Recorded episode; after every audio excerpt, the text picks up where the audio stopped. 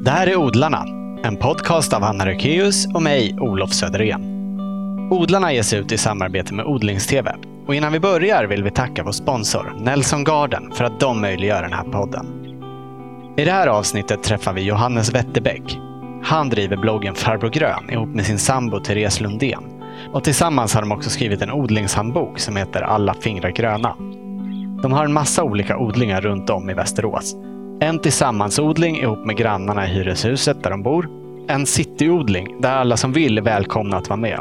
Och en takfarm på en kontorsbyggnad mitt i stan ihop med sin kompis Kristoffer. Och så har de en skogsträdgård på sitt landställe i Sörmland också. Den här intervjun spelade vi in hemma hos Johannes och Therese i början av september. Varsågoda.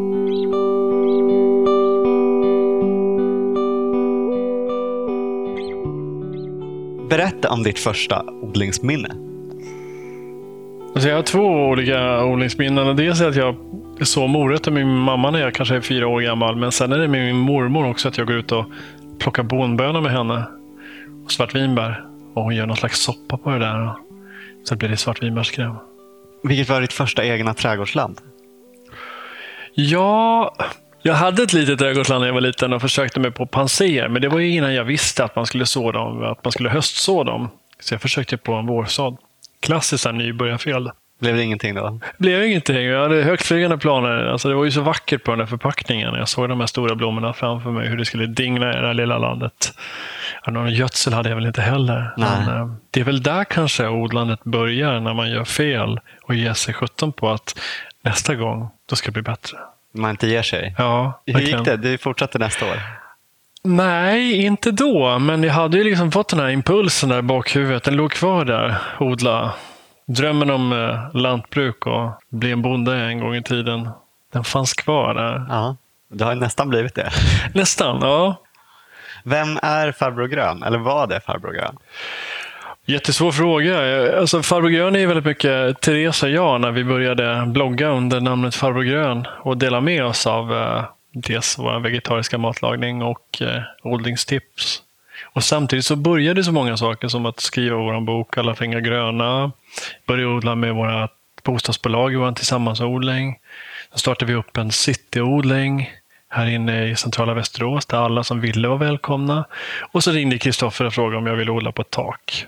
Och samtidigt hade vi ju trädgården i stugan. Mm. Där hade du odlat tidigare? Där har jag odlat ända sedan jag var liten. Så helt plötsligt så accelererade allting till helt nya odlingsnivåer. Mm. Allt kom på en gång? Allting kom på en gång. Träffades du och Therese genom odlingen? Nej, det gjorde vi inte.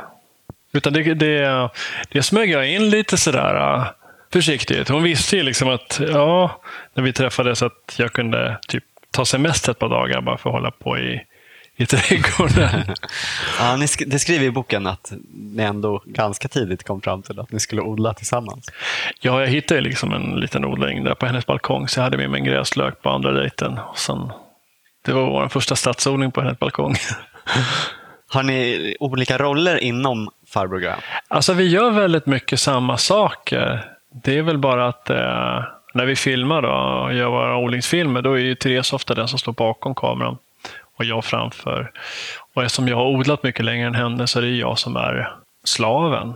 Det är jag som krälar där ute i landet mest. Och hon fotar kanske då, när jag gör det. Men annars så, så tycker vi om att vara på alla ställen. Vi tycker om att fota båda två, vi tycker om att skriva båda två. Vi gillar att rensa ogräs båda två. Ja, vi tycker om att rensa ogräs. Jag har aldrig tyckt att det varit jobbigt. Har det blivit ett jobb för er eller jobbar ni med annat också? Vi jobbar ju med annat också, men det är ju ett jobb. Men det, det tenderar ju att bli mer en livsstil när man håller på så här. Så gränsen suddas ut? Absolut. Vad jobbar du med annars när du inte håller på med Farbror Grön? Jag jobbar med, eh, på ett korttidshem för ungdomar med olika autistiska diagnoser. Mm. Och hur mycket tid lägger ni på alla de här olika odlingarna? Det har vi aldrig vågat räkna på. är barnen med också? Mm, jo, de är med, verkligen. De är med från, från frösådd till att maten står på bordet. Hur har ni gjort för att väcka deras intresse? De har ju många gånger inte ett val. Utan de har ju sett vad pappa håller på med, mest pappa då. Med sin jord och jordsäckar och krukor och frön och sådär. Och det är klart att de har ju velat vara med. och pollinera tomater och sätta ner lite frön. Och sen har ju jag frågat dem vad de skulle vilja odla för växter. Och då, då sa ju Moses då att han ville odla äppelträd. Och då gör vi det med honom. Och så frågade, svarade Tora att hon ville odla svamp. Och då var det bara att beställa svampkartonger och odla champinjoner i källaren. Så vi kunde tillfredsställa deras behov. Mm. Hur har det gått med äppelträdet och svampen? Ja, svampen har vi ätit upp. Äppelträdet är två år gammalt. Och ska planter- ett ska planteras här i tillsammansodlingen och ett ska planteras vid stugan. Och Det är en sån här äppelträd från Kärna, så vi vet inte vad det är för sort. Den Nej. kan vara äcklig. Men det är en Den kan egen vara- sort? Ja, det är en egen sort. Det är Moses egen sort. Ja. Den kan vara fantastisk. Om Eller den äcklig. blir fantastisk får man väl hitta på ett namn till den också. Ja, vi får se. Vi får smaka om 15 år och se om vi hittar ett passande namn. Hoppas han är intresserad fortfarande. Ja, man vet aldrig. Nej. Men du nämnde ju att ni odlar på rätt många olika ställen. Ja. Och ni började i stugan. Mm, Men vill du berätta om de här olika odlingarna ni har? Ja, alltså stugan är ju, det är ju på en grusås där all jord måste skapas eller forslas dit på ett eller annat sätt. Vilket påminner ganska mycket om taket. Och det är precis samma förutsättning, bara att vi inte har lika mycket organiskt material på ett tak som vi har i en skogsträdgård som vi har vid stugan. Vi har ingen löv, vi har inga ensilage, vi har inga halm, vi har liksom inga komposter och sånt där. Utan där har jag, på taket har vi varit tvungna att bygga egna jordar.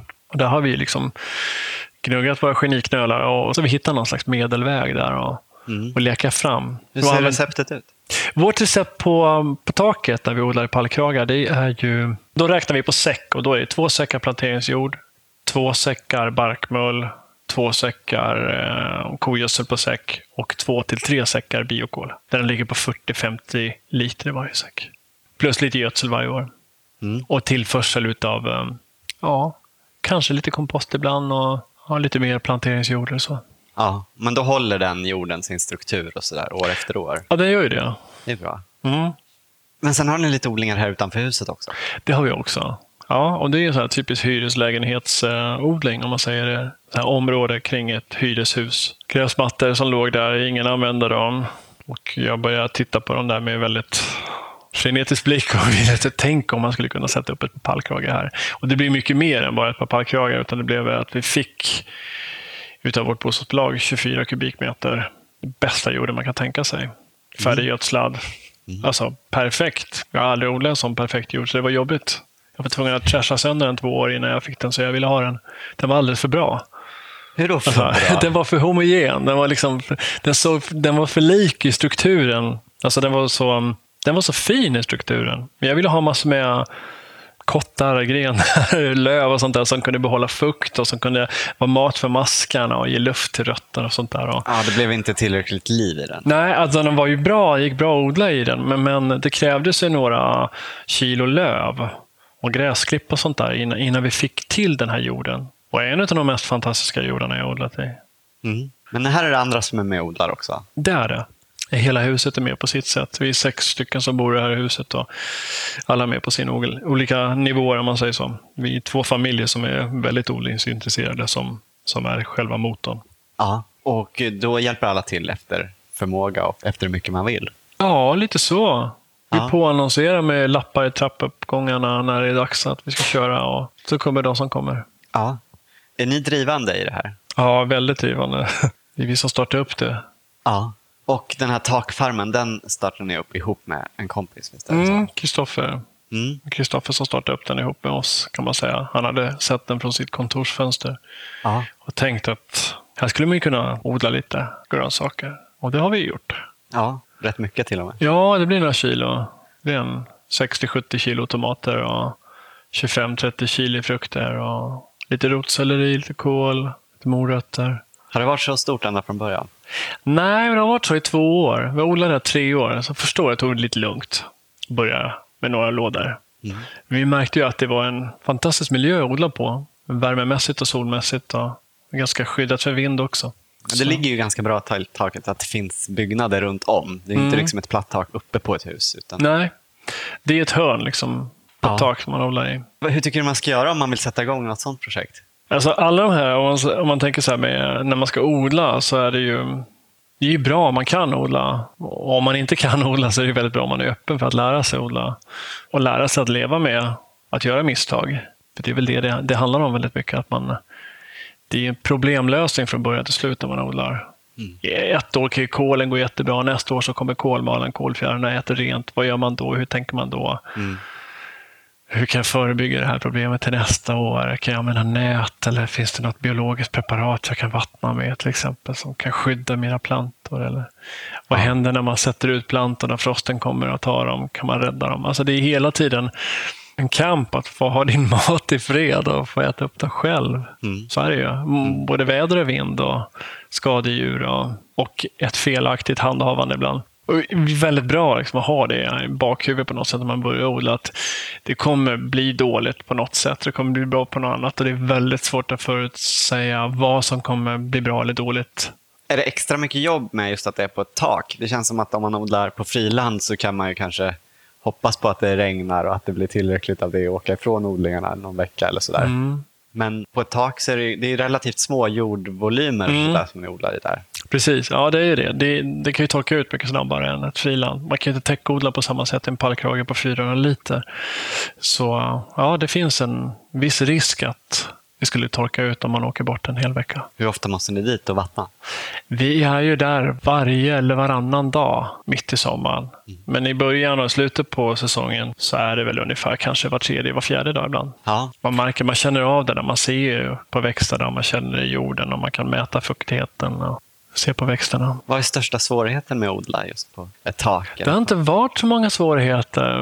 Det är väl mycket för att både Kristoffer och jag har odlarbakgrund, så vi, vi var liksom inte speciellt förvånade ifall någonting skulle gå galet. Utan eh, det var ett experiment att se, kan man använda en sån här yta som bara står kan den producera mat? När man odlar på ett sånt där tak eller en takterrass så tar man ju ofta inte marken från någon annan, som till exempel mitt i en stad där människor rör sig. Det är ingen, ingen vi blockerar genom vår odling, utan den, den där platsen fanns där och stod tom i, ända sedan 60-talet med sina såna tallplanteringar och grejer. Men ni har ju odlingarna både där och vid huset. Eh, har ni gjort liksom jämförelse? Vad funkar bäst?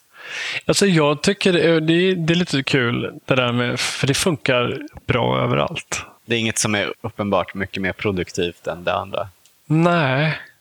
Det man kan tänka när det gäller rotfrukter och sånt där gillar ju faktiskt att stå lite kallare på friland. Att det är inte alltid lika lätt att odla morötter och sånt där. Rotfrukter i en pallkrage med planteringsjord.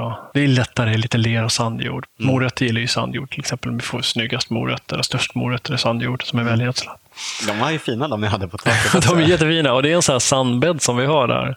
Ah, som ja. funkar jättebra. Och då är, det, är det ren sand under eller är det sand blandat med? Det är någonting, alltså det är, vi vet inte riktigt vad det är för jord för, för det kom dit på 60-talet när de byggde huset. ah, det är något som fanns där ja, när ni kom vi, dit? Det Kristoffer som röjde, eller han tog bort alla tallplantor i två bäddar.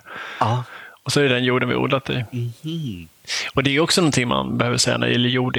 Man behöver ju inte köpa massor med dyr jord på lastbil, utan eh, som i ett hyresområde eller på ett tak, finns det jord, använd den. Liksom. Tillför organiskt material, gödsla den. En jord är någonting man skapar år efter år, ingenting som är givet från början. Nej.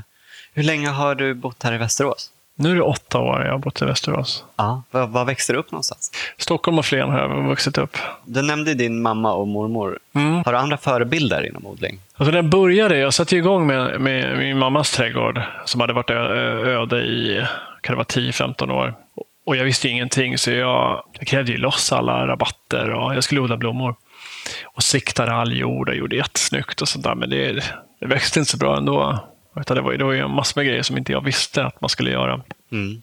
Och då blev ju räddningen att jag stötte på Nils Åkerstedts böcker på ett bibliotek. Ja, det... Och det var den mest praktiska odlingsboken jag hade stött på i, hittills. Ja. Och med, med hans kunskap och hans sätt att skriva så, så kunde jag klättra upp fler nivåer på en odlingssäsong och förstå att aha, det är så här man ska göra. Vad var det bästa du lärde dig av honom? Det var väl att man odlar med naturen. Man tar tillvara på det som finns. Man gör nässelvatten, man gör gödselvatten. Det här med näring till exempel. Man måste tillföra näring. Och sen att han, eh, han är ju väldigt mycket för att odla i sand med gräsklipp. Att förstå det här med täckodling. Både för att hålla fukten men också att mata den här jordens mikroorganismer. Och sen att det ger väldigt mycket näring. Finns det något sätt att översätta det tänkandet till, till att odla på ett tak där det ju inte finns så mycket natur? Absolut. Det kan man väl göra. Men, men uh, täckodling det är inte på samma sätt eftersom man inte har lika mycket mikroorganismer i jordarna. Men visst skulle man kunna experimentera med det och ympa in mera mask och sådana här saker i sina odlingsbäddar och se till att man, man uh, matar men det är ju så här, det finns ju inte en jord bara man kan odla ut. Man kan odla i den här fantastiska frilandsjorden som, som bara myllrar av liv. Men du kan bygga en egen jord av torv också och få mm. lika bra resultat. Det ena utesluter inte det andra, utan det är, många gånger är det platsen du odlar på som bestämmer hur ska du odla. Och där är taket på ett sätt och här är frilandet på ett annat. Men visst skulle man kunna korsbefrukta dem mer? Ja, det går ju att odla liksom i helt andra substrat också. Ja, absolut. Bara i glasull eller lekakulor. Eller sådär. Mm. Har ni provat något sånt där på taket? Nej, det har vi inte gjort. Vi har inte varit så intresserade av hydroponisk odling på det sättet. Det är många kommersiella odlare som kör tomater och sånt där i glaser och sånt där mm. med mineralgödsel. Och... Nej, det känns inte riktigt som att man odlar mer naturen då. Nej. Jag har inte varit intresserad av att bygga ett eget system. Det är samma med kompost till exempel. Jag, jag komposterar ju pallkragen som har kontakt med marken. Jag skulle aldrig få för mig att köpa en behållare som har en skydd mot marken som hindrar nedbrytarna i jorden att komma upp till mitt avfall. Nej. Helt befängt. Ja. och det, det, blir det tänket också, odla glasöl med mineralgödsel. Det, det, det, det känns inte som att det är min grej. Nej. Det funkar och jag förstår om man är kommersiell att man behöver tänka på det sättet. Men, men när man är så liten och så här, hobbyodlare som, som många av oss odlare är så behövs det ju inte. Komposterar ni på något sätt här i stan också? Ja, här kör vi bokashi-kompost. Vi är inte trädgårdsavfall, men allt matavfall i vår familj komposterar vi på det sättet. Ja. Och vi får ju ihop eh, ungefär 400 liter som vi använder till de mest näringskrävande grödorna som majs och kål och gurka, zucchini och vitlök. Där vi sparar det avfallet till de grödorna. Mm. Och trädgårdsavfall? Det lägger vi i pallkragar. Ja. Och så åker det tillbaka i landet. Antingen som täckodling eller också gräver vi ner det lite försiktigt. Här utanför huset, eller är det mm. på taket också?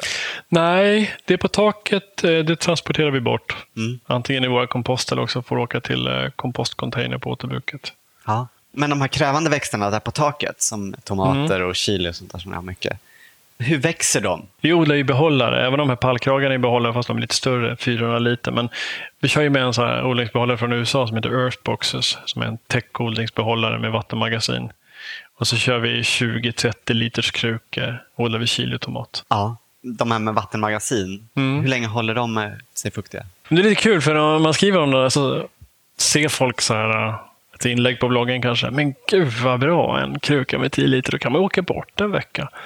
Man kan ju inte det, för två tomater dricker ju 10 liter på ett dygn. Så det är mer att man ska kunna ge växterna en optimal um, vattenförsörjning. Mm. Så att man inte får tomater som spricker till exempel vid ojämn bevattning. Och de som har tagit fram de här earthboxarna, de är ju kommersiella tomatodlare från början. Ah, ja, så de vet, de vet hur, hur de vill ha det. ja.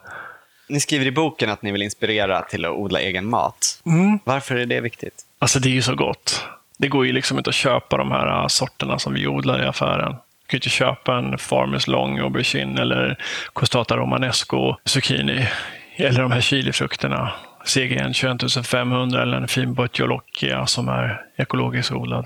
Det går ju liksom inte. Så ska man ha kvalitet så är det ju så att du måste odla själv. Eller som eh, den här kocken i Rotatouille sa till råttan. Jag kollade på den filmen med mina barn häromdagen.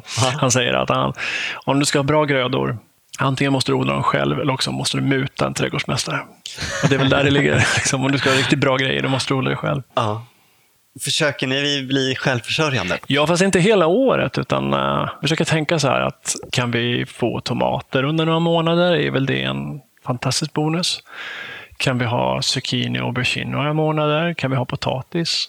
Så vi jobbar inte så här jättestora volymer. Vi siktar inte på att vara helt självförsörjande på ett helt år. Nej. Utan uh, under vissa tider med vissa grödor. Så att det inte blir för... I vilken grad lyckas ni med det? Ja, ganska bra vad kan man säga, augusti, september, oktober så köper vi inga grönsaker. Nej. Så tre månader.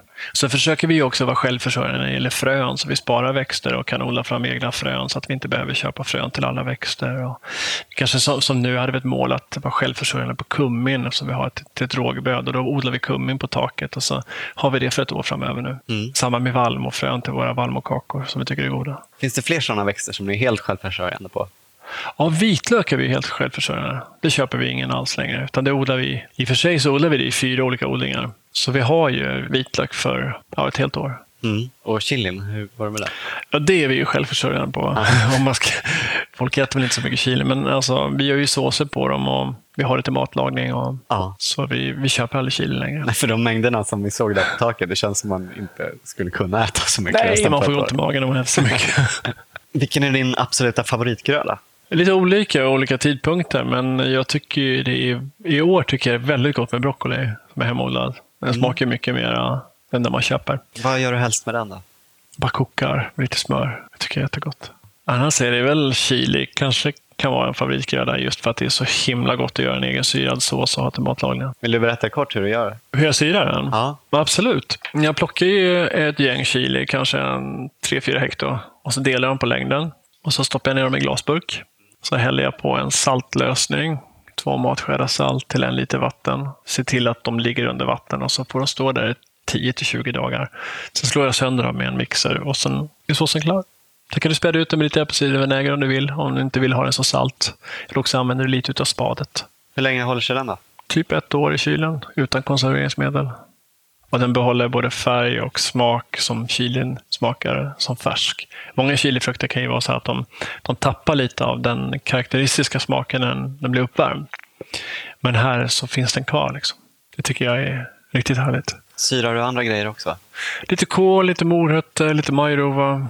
Men mest chili. Får inte plats med så mycket. När det kommer över de volymerna med 20-30 kilo så blir det ganska mycket. Det är mycket burkar. Det blir mycket burkar.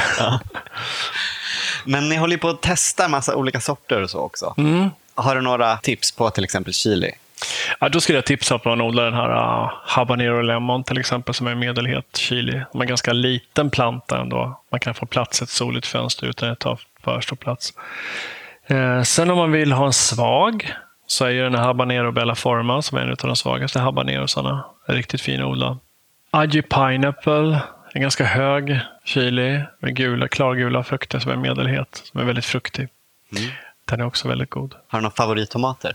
Ja, jag tycker om den här steknegro. En ganska mörk, eh, mustig tomat. Och eh, den här Princip Borghese som är en sån här pianolotomat som man kan lagra fyra månader i rumstemperatur utan att den tappar i struktur och smak. Det är också en sån här fin tomat att odla om man vill vara självförsörjande. Att man kan spara så pass länge i en skål eller hänga upp i taket. Det är väldigt bra. Det är jättebra. Är det några andra växter som ni odlar mycket av som, där du har bra sorttips? Alltså jag tycker om den här äh, grönkålen, äh, Red Russian. En av de godaste grönkålarna att käka färsk. Ha i sallad och sånt här. Riktigt fin. Jag har läst eh, att ni har lite speciellt sätt att föröka tomater på. Det känns som att de flesta sår ju sina på tidig Mm. vår. Många gör ju det. Vi gör ju det också. Vi orkar ju inte sticklingsföröka jämt, men, men vi, annars brukar vi sticklingsföröka och övervintra tomater. Ja. Men I princip så om man drar det till det yttersta så behöver man aldrig så när du har fått upp en planta. Utan kan, du kan fortsätta sticklingsföröka i all evighet. Om den inte blir sjuk såklart. Hur gör ni då? Skär av en topp eller en sån där tjuv som de kallas för, ett skott i bladvecken. Sätter i vatten eller perlitblandad såjord och efter en vecka så har du rötter. Ja. Och för att övervintra dem? Då kan man behöva lite tillskottsljus eftersom eh, solljuset för växterna är ju deras mat. Och i oktober, november så blir det ju väldigt, väldigt mörkt. Och då är det ju risk att om de inte får mat, att de kan bli sjuka precis som vi. Så då kan man ge dem lite extra belysning för att de ska klara. Annars kan det komma bladmögel och sånt där som slår ut dem. Ah, ja, för att de blir så svaga De blir så svaga. ja. ljusbristen. Ja, ljusbristen. Det känns som att man får en väldigt bra start på våren om man har Verkligen. sticklingsförökat dem och övervintrat dem. Ja, ja. Alltså man, jag tror man kör en månad i alla fall. Så då kan man ju skörda, om man fönsterodlar tomater, så kan man ju skörda då redan i slutet av maj, början på juni. Och då, när man fönsterodlar tomater på det här sättet och sticklingsförökar dessförinnan, då blir ju tomaten en så här vårprimör. Perfekt. Och då har man de här fönsterodlade tomaterna maj, juni, juli. Och så fylls det på med de som kommer utifrån. Då är man självförsörjande på tomater ända från maj till december. Det blir ganska bra. Ganska lång period. Det är väldigt bra. Mm. Mer än halva året. Faran om man odlar sådana här goda grönsaker, det är att du inte kan köpa dem i affären sen. Man vill, Nej. det är ungefär som Jag att kolla på en, själv det är som att kolla på en, en så här B-film. Ja, Det, det blir ju inte gott. Nej, det blir verkligen inte samma sak. Och det är också bra. Då köper man inte på sig massor med skitgrejer. Utan då väntar man tills man har de här goda sakerna.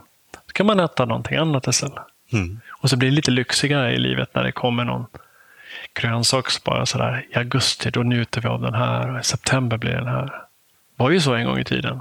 Man hade inte alltid hela året. Nej, man hade inte jordgubbar hela året. Man åt dem på sommaren. Men jag såg att ni har mogna jordgubbar här ute nu. Och det är det, ja. alltså början av september. Ja, ända till november kommer vi ha jordgubbar. Vi har tappat bort namnskylten, så vi vet inte riktigt vad det är för sort. Men det är, det är en sån här ampeljordgubbe som man kan ha på balkongen, som vi sticklingsförökade också. Och gjorde med plantor och har en allé här utanför i en odlingsbädd. Och de ger ju jordgubbar nu i september till november. Har ni andra på sommaren också? Ja, då har vi andra. Så då har ni jordgubbar från, Från ju- juni till ja, november. Juni till, ja, Ja, Och det är vi- häftigt. Och här i Tillsammansodlingen så har vi satsat på ganska mycket bär. Vi har ju krusbär, vi har vinbär, vi har amerikanska blåbär, jordgubbar. Just för att barnen som bor i huset ska kunna gå ut och snaska på det där. Så det, det är väldigt mycket för dem. Det viktigaste är att barnen har någonting att stoppa i munnen om de är ute och leker och kan ta några krusbär, några vinbär. Men det är väl lite så här, om man har vuxit upp som jag på landet med de här grödorna, med min mamma, med min mormor som gick ut och plockade och sånt där, så vill man ju ge det till sina barn också. Det här naturliga, det här äkta, de goda smakerna. Föra det vidare liksom. Ja. Men om man tänker just det här då, smaker som inte riktigt går att få tag på om man köper det. Vilken gröda tycker du är mest odlingsvärd? Det är en vanlig fråga och den är alltid lika svår att svara på tycker jag. Det är det är lite säsongsbetonat men, men jag tycker nog att eh, någonting som alla, eller många tycker om, det, det är väl tomat. Va? Goda tomater. Mm. Det är en odlingsvärd gröda. Mm. Men man kräver ju ganska mycket tillsyn av vatten. Man kan ju inte åka bort en vecka på sommaren om man inte har någon som kan vara barnvakt. Nej. Men det känns som att det finns många sätt att förlänga säsongen som vi har varit inne lite på. Mm. Har du några mer bra tips där? Alltså tomater och chili, de kan man ju ta in, om, om de står i skapliga krukor så kan man ju ta in dem i fönster eller i uterum eller i växthus och låta de eh, frukterna som sitter på dem mogna vidare. Tomater har ju den fördelen att du kan plocka av de här stora och låta ligga ett fönster och de mognar på varteftersom. Det kan inte chilifrukter utan de måste sitta på tills de har fått en mognadsfärg. Sen kan de plocka. Ah, ja, det händer Han- inget mer när man har Nej. tagit av dem. Det är någonting i växten som måste hända med frukten. Liksom. Jag vet inte, det skulle vara kul att veta hur, hur det rent liksom, kemiskt går till. Om det är signaler, om det är kärnorna som signalerar att de är klara för att föra vi, livet vidare. Och sånt där. Men det sättet där med chili, att de är väldigt svåra. Ja. Och då kan ett tips vara att ta in. Vi har ju också testat med dem med takodlade plantor. Att vi, vi har ju lite odlingsrum nere i ett parkeringsgarage med belysning. Så tog vi ner en tio plantor där och ställde under belysning med 12 timmars intervall. Och då kunde vi plocka frukterna ända till eh, januari. De som var kvar på dem. De bildar ingen nya, men, men de som är där mognar på i alla fall. ja, för det känns ju alltid tråkigt när det är en massa tomater kvar och frosten kommer och Mm. de förgås. Det är ju det som är tråkigt med vårt klimat här i Sverige. Att det är ju som nu det växer som bäst. Och nu är det bara veckor innan det, Innan det tar slut. ja, innan det tar slut. Drömmer du om att odla i ett varmare klimat? Det skulle vara kul att, alltså jag gillar fyra årstider så här som vårt land. är. Jag tycker det är skönt med vintern att man inte kan odla så mycket för då kan jag vila ut lite. Men eh, vi skulle vara kul att typ odla på ett stort tak i en storstad i Spanien eller någonstans i Grekland. Få smaka på riktig värme och kunna odla på vintern till och med. Ja, det vore häftigt att prova det någon gång. Uh, när man läser i boken så verkar det som att ni förkultiverar nästan allting. Varför? Alltså, jag tycker det, är, det finns en tidsvinst med att förkultivera allting. Dels att jag har jag alltid haft växthus och det är så enkelt att ställa, när man ändå håller på där ute. Jag trycker ner några bönor i, i krukor här också. Jag väntar inte till i juni och så dem på friland, utan jag har dem klara direkt. Om vädret tillåter så kommer de ut. Så uh, till och med potatis förkultiverar vi.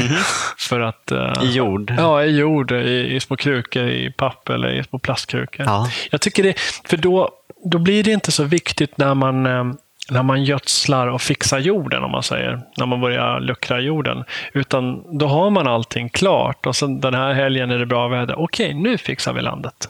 Så ni gör det samtidigt som ni sätter ut dem? Ja, där? i princip. Ja, vi gödslar samtidigt som vi sätter ut och täckodlar. Och, så det blir väldigt effektivt tycker jag. Även om det kanske är ganska mycket med att dutta och vattna innan och sånt där. Men, men jag tycker ju om att stå där i växthuset och odlingskällan på våren.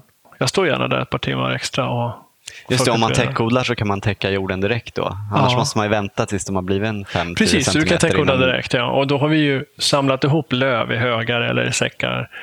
Det är löv vi har mest här i tillsammansodlingen och vi har inga gräsmattor. Så det är bara att vräka på det där. Odlar du helt ekologiskt? Ja, det finns så många bra gödsel idag som är ekologiska. På nästan alla de här stora trädgårdsföretagen så finns det ekologiska gödsel. Mm. Och, eh, när jag har bott på landet då har jag väl fått det från stall och jordbruk och sådär. Då har ju bonden bredvid kommit med dyngkärran och backat över landet ibland och satt på dyngspridaren. Det har ju varit väldigt smidigt. Men det kan vi inte göra här i stan. Det doftar lite för mycket. Ja. Men huruvida sån gödsel är ekologisk eller inte, det, det vet man ju inte alltid. Om det inte är en kravcertifierad bonde. Och spruta behöver man ju inte göra heller med, med konstiga saker. Men det är inte lätt att få bladlöss på chili till Det exempel. är jättelätt. Mitt tips är att aldrig övervintra chili så man för vidare populationerna till nästa års. Det finns ju sådana här pyretriumpreparat som är baserade på krysantemum som bryts ner utav solens strålar på 24 timmar som är det tyngsta man får använda. Och det kan funka. Men det är också godkänt för ekologiskt. Vissa utav de preparaten är godkända för ekologisk odling. Vilken är din värsta skadegörare? Barn? Nej. Nej. Nej, min värsta skadegörare det är väl bladlöss på, på chili. Ja, det är det. Och kolmal och kolfjäril på kol. Har ni sluppit sniglarna uppe på taket? Ja, vi har sluppit sniglar där. Det är snigelfritt. Det måste vara lite skönt på ett sånt sätt att om man nu skulle få dit sniglar så är det ju ens eget fel. Ja, För det dit kommer de ju inte av sig själva. Nej, man kan ju inte skylla på någon granne eller sånt där. Nej. det är ju... Och rådjuren slipper ni där också. Ja, faktiskt. Det är med. Ja. Har ni problem med något sånt här vid huset? Ja, vi har lite så här närgångna rådjur och harar. Det har vi. Vi misstänker eh, vintern 2013 att en eh, hare smet in och åt upp all vår grönkål. Vi såg små runda, bruna grejer i snön. Ja, typiskt. Typiskt hare. Kör ni någon sorts växelbruk i er, era odlingar? Mm, det gör vi. Det, det har jag alltid gjort eftersom jag har läst att det är bra. Även om jag skulle vilja testa att inte göra det också. Vara se spänn- skillnaden? Ja, det skulle vara spännande att se. Ja. Om, eh, vissa grejer alltså, är man ju livrädd för som odlare och det är ju klumprotsjuka när det gäller kål. Det vill man ju verkligen inte ha in. Nej. Eftersom det tar ja, 15-20 år innan du kan odla kål igen. Och, eller du vill inte ha in massor med virus och sånt där när det gäller lök och sånt. Så Nej. därför kör vi certifierat utsäde. Men vi kör en fyra, fem års periods växelbruk. Det beror ju på hur stor odling man har. Man kan ju tänka sig att man behöver inte följa det helt slaviskt. Har man bara två pallkragar så är väl två års växelbruk bättre än inget. Brukar jag tänka. Eller brukar jag i alla fall rekommendera människor att, att inte se det som en jättestor begränsning. Roterar ni grödorna i lådorna och krukorna på taket också? Där slänger vi jorden, eller där hamnar jorden i komposten som går ner till friland. Eller där brukar vi köra ut jorden till Kristoffers kolonilott. Så får han ha den där och, eh, och så byter vi jord. Ja. Och ibland återanvänder vi jorden. Och, men tomat har ju, det var ju någon sån finsk trädgårdstidning förra året som hade skrivit att man kan odla tomater i samma jord i 20 års tid. Är det inte risk för att bladmögel och sånt övervintrar i jorden då? Jo, det skulle ju kunna vara på det sättet. Speciellt när det är potatisbladmögel. Det kan ju vara Ja. jätteknepigt. Men, nej, jag vet inte. Du har inte provat det i alla fall? Nej, jag har inte prövat. Nej, det vore kul med någon sån jämförelse. Det skulle vara jättekul att köra så här ekologiska monokulturer om tio år och se vad som händer. Mm. Håller ni på annars att experimentera mycket för att just jämföra vad som funkar bäst? Mm, men det är väldigt svårt att dra några slutsatser. Det är så många parametrar som Ja, det är påverkar så många, ja, du, ja, det är precis. Det kan ju vara liksom temperaturen en viss månad som, som ger det ena eller andra. Eller hur mycket regn kom det och hur mycket blåste det. Alltså, det är jättesvårt. Mm. Men visst håller vi på och experimenterar. Har du Aha. fått några klara resultat där du kan säga att det är bättre att göra på det här sättet? Mm. Alltså det är ju bättre att täckodla än att inte täckodla. Eftersom du behåller fukten och du matar jorden. Så kan man ju säga när man odlar på friland. Det är ju verkligen någonting som funkar bättre. Och det ligger i den linjen också som, som jag vill tänka när jag odlar, att jag, att jag odlar jorden. Att jag inte bara fokuserar på växterna utan jag tänker på jorden och försöker få, få den bättre. Sen är det väl eh, att jag har förstått att man kan odla på väldigt många olika sätt genom de här stadsodlingarna. Att man behöver inte odla på ett sätt. Det är inte bara ett sätt som är rätt, utan det kan odla i de här earthboxarna med 10 liters vattenmagasin eller i en gammal kruka eller i någon specialdesignad kruka och få precis samma resultat. Mm. Det handlar ju väldigt mycket om att läsa av växterna och se, nej men fick den där för lite näring? Ska den ha mer? Och står den här lite dåligt nu? Ska den stå lite mer lö? Ni skriver att man kan odla precis överallt. Mm. Kan man det? Ja, man kan ju det. Många tak kanske är för blåsiga till exempel. Mm. Och Det skulle vara jättespännande att odla på ett tak som är väldigt blåsigt. Ja. Där man kan leka med eh, barriärer som bryter vinden. Det skulle vara kul. Men du menar att det finns sätt att komma runt även ja, sånt? Liksom? det finns det ju. Växthus också. Ja. Så visst kan man odla. Egentligen handlar det om att uh, försöka läsa av vad är det för förutsättningar här. Men riktigt blåsigt är ju aldrig bra för någon växt. Nej. Vad är det mest udda ställe du har odlat på? Oj, vad kan det vara någonstans? Vi odlar ju en stubbe där nere på cityodlingen. Västeråsgurka en stor stubbe. Det är kanske Ja. lite udda, men, men det växer väldigt bra där. Har ni fyllt den med jord då? Eller fyllt den med- direkt i förmultnat Nej, träflis? nej men det förmultna har varit kvar där. Så fyllt det med jord och gödsel och sen plantera lite pumpor och eh, gurka. Ja, det funkar. Det funkar jättebra. Ja. Och Sen kanske är de här earthboxarna som jag odlar i, Kristoffer odlar i, det var ju någonting som jag, alltså jag var lite skeptisk till dem i början. Tänkte då, men vadå? För det spelar ingen roll vilken planteringsjord man använder och jag hade varit så noga tidigare liksom, och blandat egen jord och fått in sand och bra gödsel i jorden. Och så stod det här, men du lägger en gödselsträng på 500 gram. Ta vilken jord som helst. Och så kan du skörda mellan 10 och 20 kilo tomater på två plantor i en sån där låda. tänkte jag, ja men det är väl en till sån här fantastisk trädgårdsgrej som någon vill sälja. Mm. Men det stämde ju, alltså att de var så bra. Mm. Jag blev så glad att det var någonting som, som verkligen höll måttet på det sättet. Lät fantastiskt och funkade på det sättet. Är det det mest effektiva man kan använda? Ja, jag tycker det. tomater? Absolut. De är lite bökiga att ladda där med jord. Det ska in 60 liter, man ska, man ska fylla dem som en topp uppåt. Man ska lägga den här gödselsträngen på ett ställe i lådan beroende på vad du odlar. Man får med ett schema vad man ska odla för grödor. Man vet om man ska ligga på mitten eller på sidan. Och så ska man trycka ner jorden i två hål längst ner så att de kan suga upp vatten från reservoaren som ligger i botten.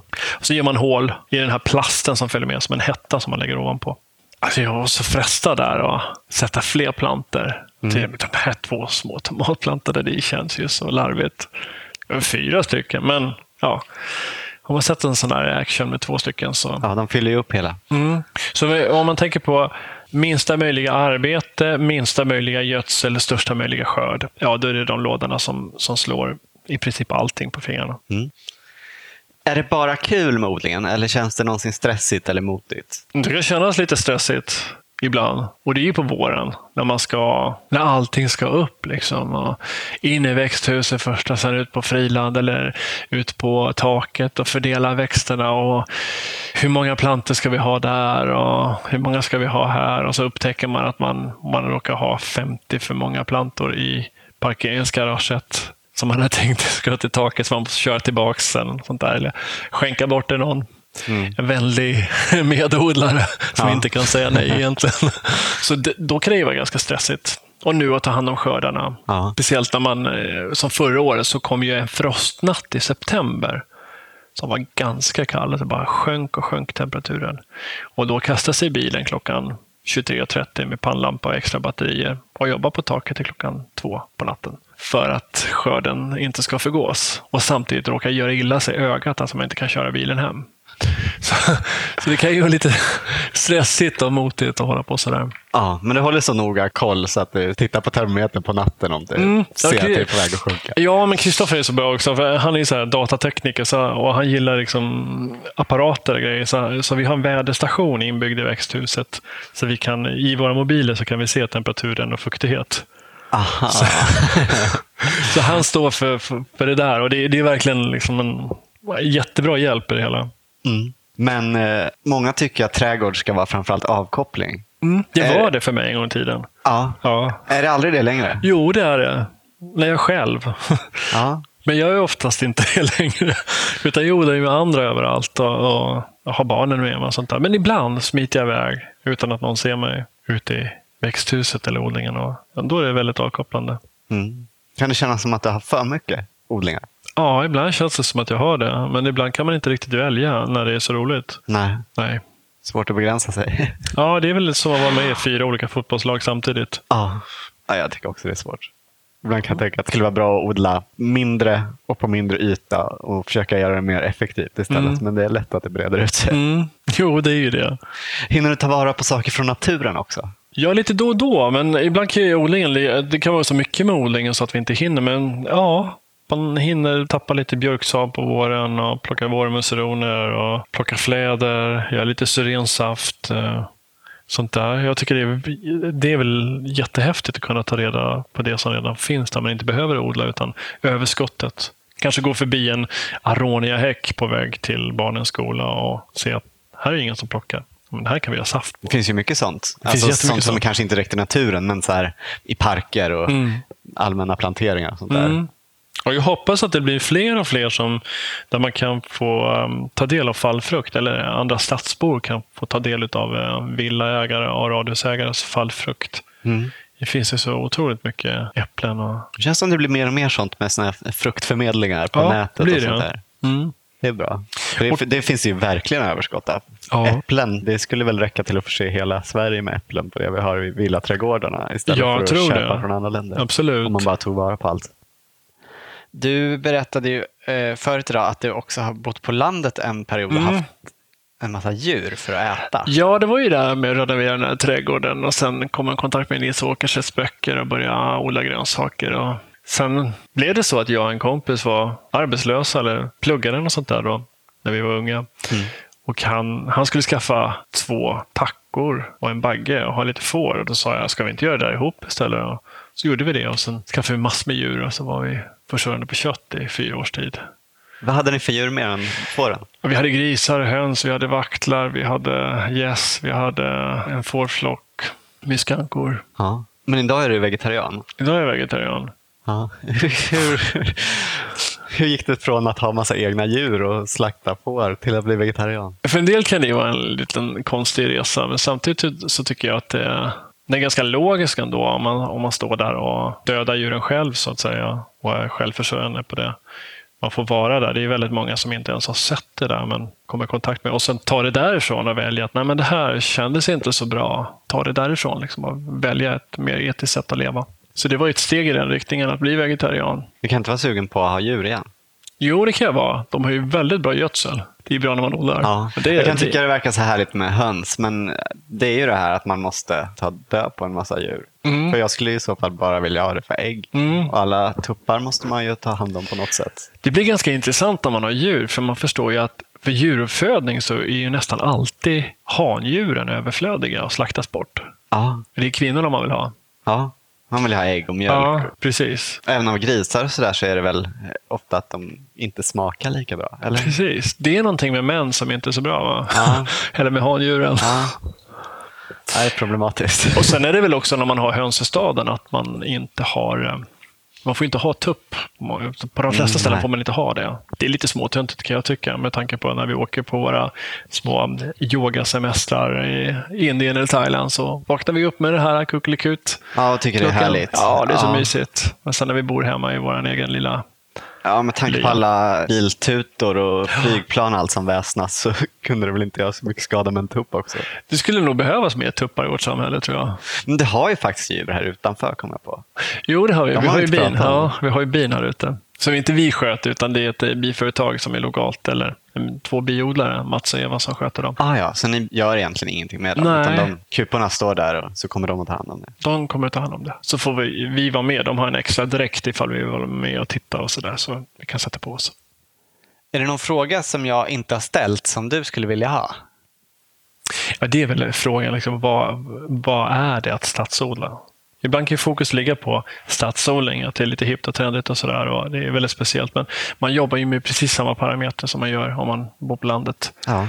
Det handlar om att odla, odlingskunskaperna. Det är den som måste ligga i fokus. Eh, och inte idéerna om att rädda världen innan vi vet hur vi ska göra det. om man säger Så, så börja långsamt och försiktigt. Liksom. Låt odlingarna växa fram och det är väl viktigt. Mm. Just nu så har jag, det som lyser med sin frånvaro i, i Sverige, det är väl att jag, jag har inte kommit i kontakt med några bostadsrättsföreningar som har så här tillsammansodlingar, utan det verkar vara mest hyresrätter.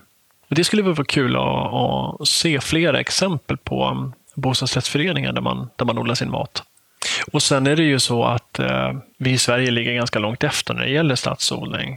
Eller när det gäller vad ska man säga, urban matproduktion. Det finns andra länder som ligger betydligt mer långt före när det gäller sånt. Ja, vilka tänker du på då? Jag tänker på Kanada när man bygger så här stora växthus på tak och producerar ton med livsmedel. Och det är väl en dröm jag har, att dra igång ett riktigt stort eh, urbant jordbruk. Mm. Som faktiskt inte behöver vara så mekaniserat, utan det kan vara med, eh, vad ska man säga, muskelkraft. Man kan driva det. Men, men att producera bra mat mitt i stan. Mm. Till restauranger. Kommersiell produktion alltså? Ja, precis. När händer det då? Det händer väl förhoppningsvis inom en uh, eh, 15-årsperiod. Mm. Ja. Kul. Ja. ser vi fram emot. uh, vad, vad, tror du det är som gör att stadsodling har blivit så hippt och trendigt på senare år? Ja, alltså det verkar ju vara som att det, det har hänt någonting med de här som är födda på 80 och 90-talet. De, de ville leva lite mera, leva som man lär.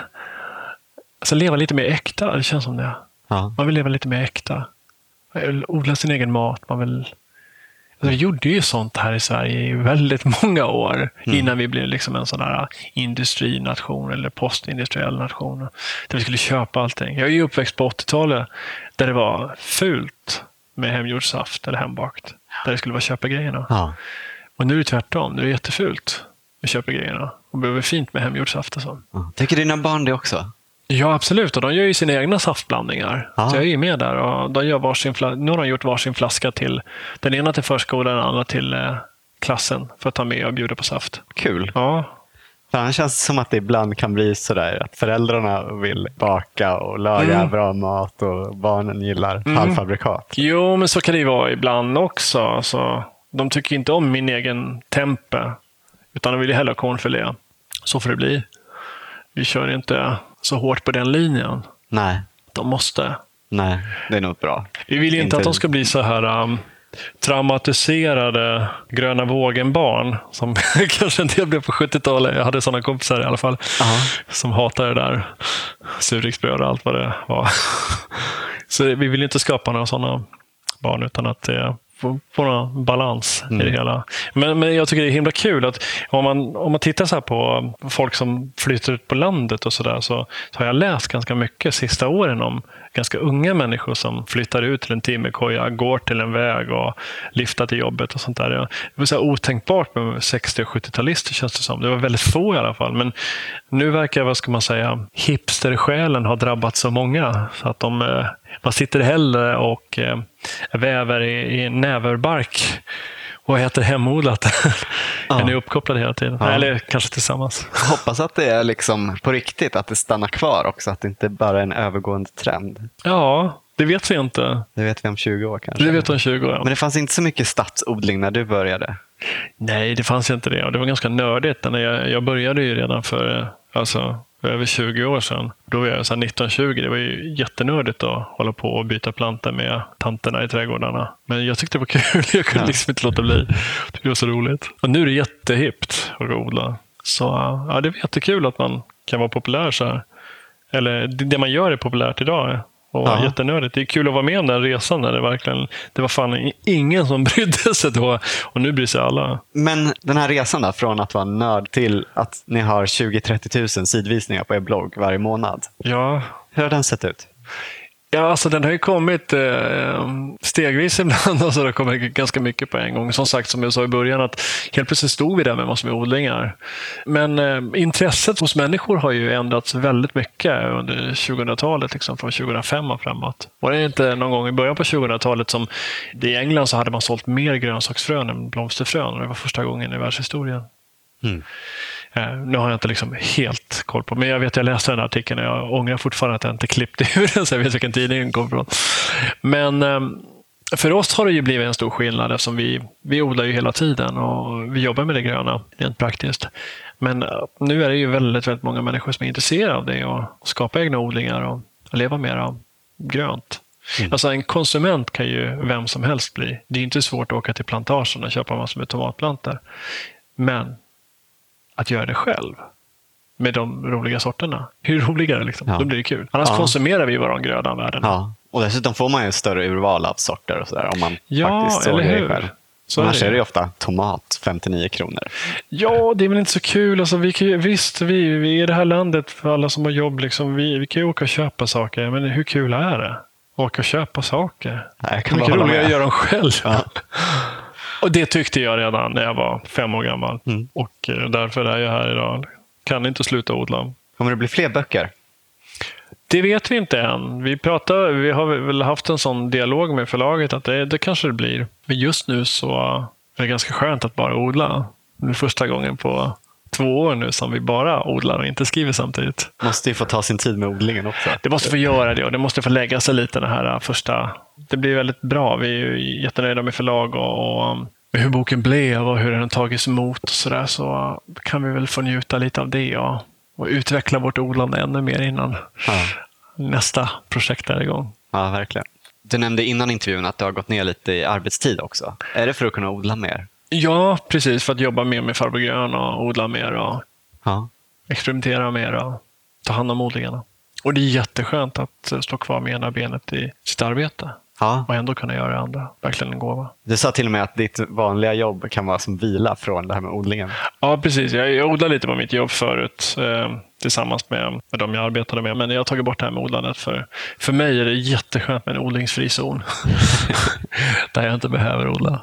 Nej. Innan vi slutar så skulle vi jättegärna vilja höra ditt absolut bästa odlingstips. Oj, vad ska det vara? Då blir väl mitt eh, odlingstips lite, eh, lite mer filosofiska hållet. Att försöka bli närvarande med det man gör.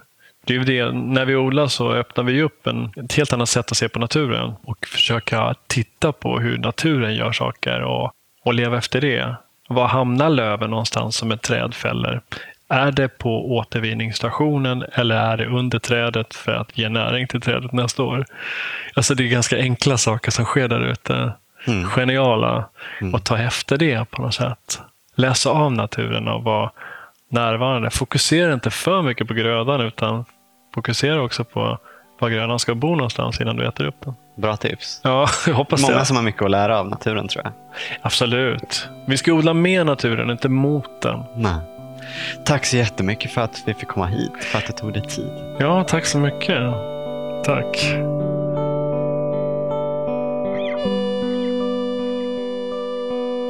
Du har hört Johannes Wetterbäck intervjuas i Odlarna. Om du vill följa honom så kan du göra det på hans och Therese Lundéns gemensamma blogg Farbror Grön. farbrorgron.se. Eller om du hellre vill på Instagram eller Twitter. Och vill du ha en riktigt bra handbok för grönsaksodling, eller kanske ge en till någon du tycker om, så ta en titt på Alla fingrar gröna. Nästa avsnitt av Odlarna kommer om två veckor och i väntan på det så är du välkommen att kolla in Odlarna på Facebook. Där lägger vi förstås upp en massa bilder från Farbror Gröns odlingar. Du kan också följa oss på Twitter. Där heter vi Odlarna Podcast. Tack för att du lyssnat och stort tack igen till vår sponsor Nelson Garden som möjliggör den här podden. Redaktör var som vanligt Anna Rukeus. Jag heter Olof Söderén. Vill du följa oss och vår odling så kan du göra det på spenatistan.blogspot.se. Och har du synpunkter eller önskemål om vem vi ska intervjua så går det alltid bra att mejla till odlarna.podcast@gmail.com. Ha det fint! Hej då!